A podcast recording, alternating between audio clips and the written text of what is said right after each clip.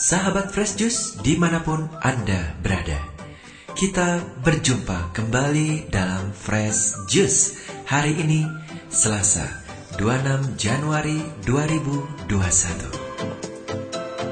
Bacaan dan renungan akan dibawakan oleh Romo Andang Binawan SY dari Jakarta.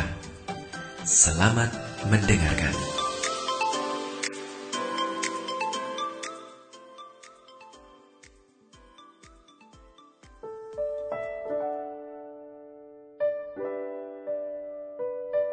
Rekan-rekan Fresh Juice yang terkasih di dalam Tuhan, salam damai sejahtera dan shalom. Saya Anang Binawan dari Jakarta ingin mengajak merenungkan Injil hari ini, yaitu Injil yang diambil dari Injil Lukas bab 10 ayat 1 sampai 9 yang berbicara bagaimana kita dipanggil juga untuk mewartakan kebaikan Tuhan. Maka mari kita bersama-sama lebih dahulu mendengarkan Injil hari ini. Tentunya kita juga mohon rahmat terang Roh Kudus supaya bimbingan terang dan tentu saja inspirasinya membuat kita dapat menjalani langkah kita hari ini sebaik mungkin. Mari kita hening sejenak.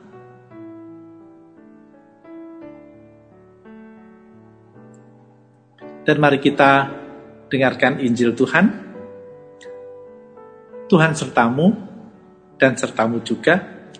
Inilah Injil Yesus Kristus menurut Santo Lukas. Dimuliakanlah Tuhan.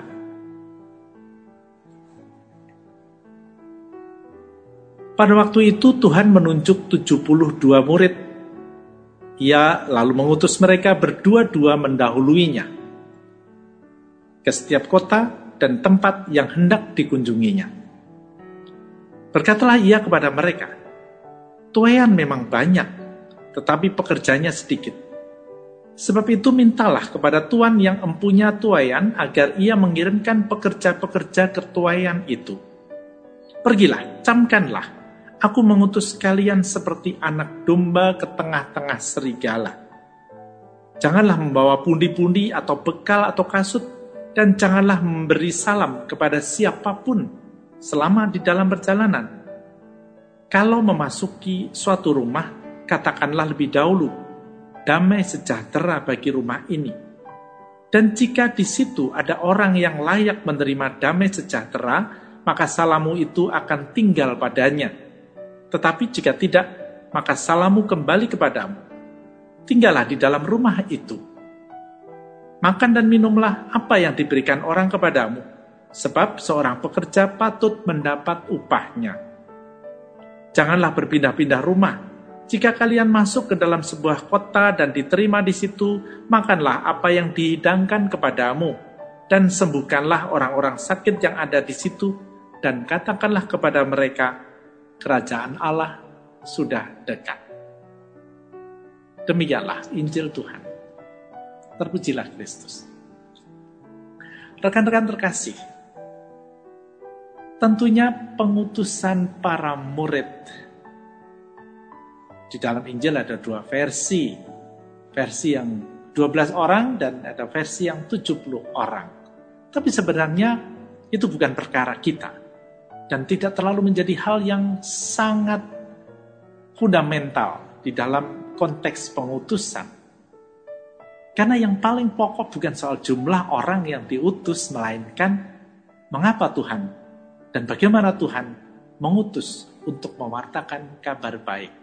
Dan tentunya hal ini terkait juga dengan apa yang dikatakan Tuhan sebelum naik ke surga, bukan?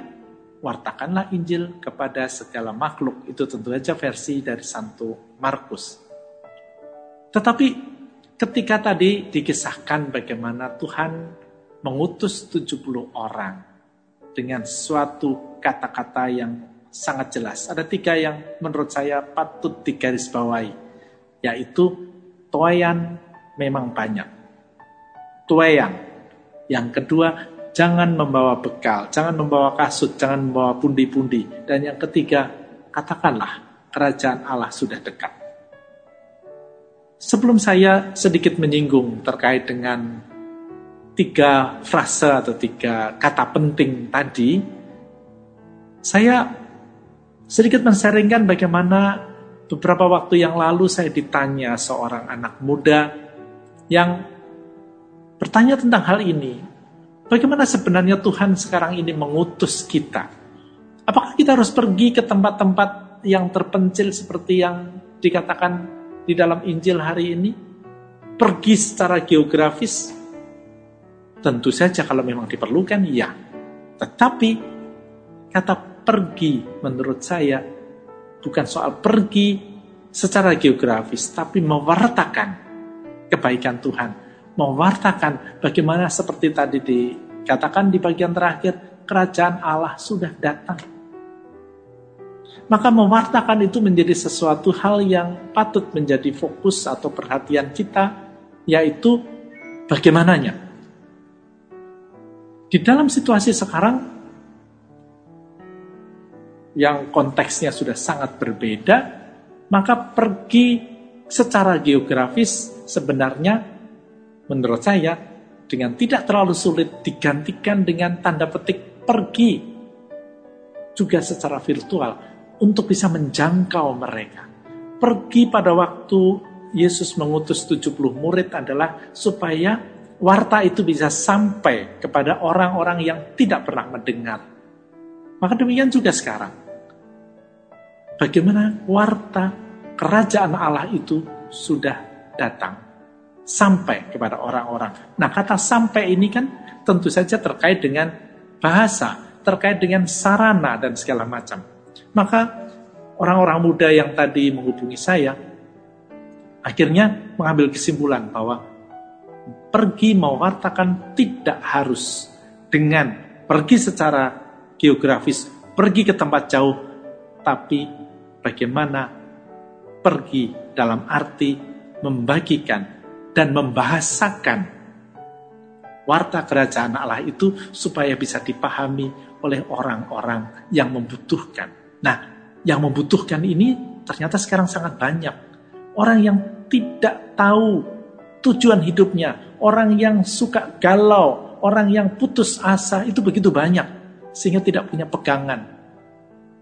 Maka rekan-rekan muda ini, ini ingin sungguh-sungguh menawarkan pengalaman iman mereka untuk bisa menjadi juga pegangan bagi mereka yang membutuhkan. Dan banyak sekali orang muda yang membutuhkan pegangan itu. Itulah tuayannya.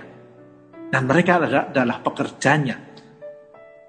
Nah, yang kedua terkait dengan jangan membawa pundi-pundi, jangan membawa kasut, jangan membawa bekal. Sebenarnya ada dua arti. Yang pertama adalah apa sebenarnya yang kita wartakan? Karena tadi pun orang-orang muda tadi bertanya, kami tidak punya bekal banyak kami bukan sarjana teologi. Kami nggak pernah ikut kursus A, B, C, D yang terkait dengan kitab suci, terkait dengan pelajaran-pelajaran kekristenan dan segala macam. Tapi kami punya pengalaman iman. Punya pergumulan. Saya katakan, yes, itu yang diwartakan. Jadi dengan kata lain, kita tidak perlu ragu lagi bahwa siapa pun perlu mewartakan bukan dengan pengetahuan, bukan dengan ilmu, bukan dengan pemahaman saja. Itu penting, tetapi jauh lebih penting adalah kesaksian hidup kita.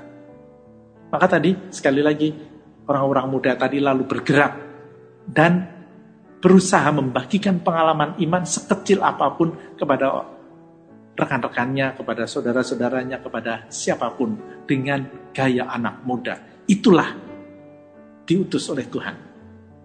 Tetapi ketika tadi saya mengatakan yang paling penting di dalam pengutusan itu bukan pengetahuan, bukan pemahaman, bukan ilmu, tetapi kesaksian hidup, maka saya juga teringat pada beberapa pertanyaan orang yang terutama orang tua yang mempunyai anak-anak remaja yang mereka kadang-kadang bertanya, Bagaimana caranya mengajak anak-anak ini ke gereja? Bagaimana caranya anak-anak ini berdoa? Saya bukan bertanya tentang bagaimana mereka melakukan, tetapi pertanyaan saya adalah apakah orang tua yang tadi bertanya sudah pernah memberikan kesaksian hidup, bukan sudah pernah, tapi di dalam hidup sehari-hari memang sungguh memberikan kesaksian hidup bahwa Tuhan itu begitu bermakna di dalam hidup mereka, mengubah mereka. Menjadi lebih sabar, menjadi lebih rendah hati, tetap ceria dan segala macam. Itu baru kesaksian hidup dan akan membuat anak-anak muda, terutama anak-anak remajanya, bisa tahu siapakah Tuhan. Tetapi kalau Orang tuanya aktif ke gereja, aktif kursus sana, kursus sini, tetapi tidak sabar, tetap berantem antar suami istri, itu bukan kesaksian. Sangat bisa dimengerti bukan? Kalau ternyata anak-anak tidak melihat ada nilai plus di dalam hidup orang tuanya, bagaimana mereka mau berdoa, bagaimana mereka mau ke gereja, bagaimana mau mereka mendalami iman, gak ada gunanya seperti orang tuanya. Nah, kesaksian itu adalah perutusan yang paling pokok. Bagaimana kita mewartakan Tuhan. Nah, itulah yang sebenarnya terkait dengan kata-kata atau frase ketiga yang tadi saya katakan, kerajaan Allah sudah dekat. Kerajaan Allah itu seperti yang pernah saya katakan, tidak hanya di sana, tidak hanya di situ, tetapi juga di dalam hati kita. Bisakah kita di dalam hidup ini memberikan kesaksian bahwa ada kebahagiaan, ada kesabaran, ada damai sejahtera, ada penguasaan diri yang bisa kita sampaikan secara tidak langsung dengan kata-kata kita, dengan perilaku kita. Itulah sebenarnya perutusan yang paling pokok supaya kerajaan Allah yang memang ada di dalam hati kita bisa dikenali oleh orang lain dan orang lain pun bisa mengenali bahwa Allah selalu membimbing mereka dan mau masuk di dalam hati mereka dan ada kerajaan Allah. Maka ibu bapak, teman-teman, saudara-saudara terkasih, adik kakak, mari kita bersama-sama menanggapi perutusan Tuhan. Bukan karena kita termasuk yang 70 saja, tetapi karena siapa pun sebenarnya dipanggil untuk mewartakan dan menuai panenan-panenan yang sudah siap, yaitu mereka-mereka yang membutuhkan permaknaan hidup, membutuhkan harapan, membutuhkan iman sebagai pegangan, dan mari kita sapa mereka bukan dengan kata-kata saja, tetapi dengan perbuatan kita, dengan senyum kita, dengan sapaan-sapaan kita, dan tentunya perhatian kita. Semoga dengan itu kerajaan Allah memang semakin dikenali dan dengan demikian kita bersama-sama memuji kemuliaannya. Tuhan memberkati dan semoga kita pun menjadi berkat bagi sahabat, kerabat, dan masyarakat. Amin. Sahabat Fresh Juice, kita baru saja mendengarkan Fresh Juice Selasa 26 Januari 2021. Segenap tim Fresh Juice mengucapkan terima kasih kepada Romo Andang Binawan untuk renungannya pada hari ini. Sampai berjumpa kembali dalam Fresh Juice edisi selanjutnya. Tetap semangat, jaga kesehatan, dan salam Fresh Juice.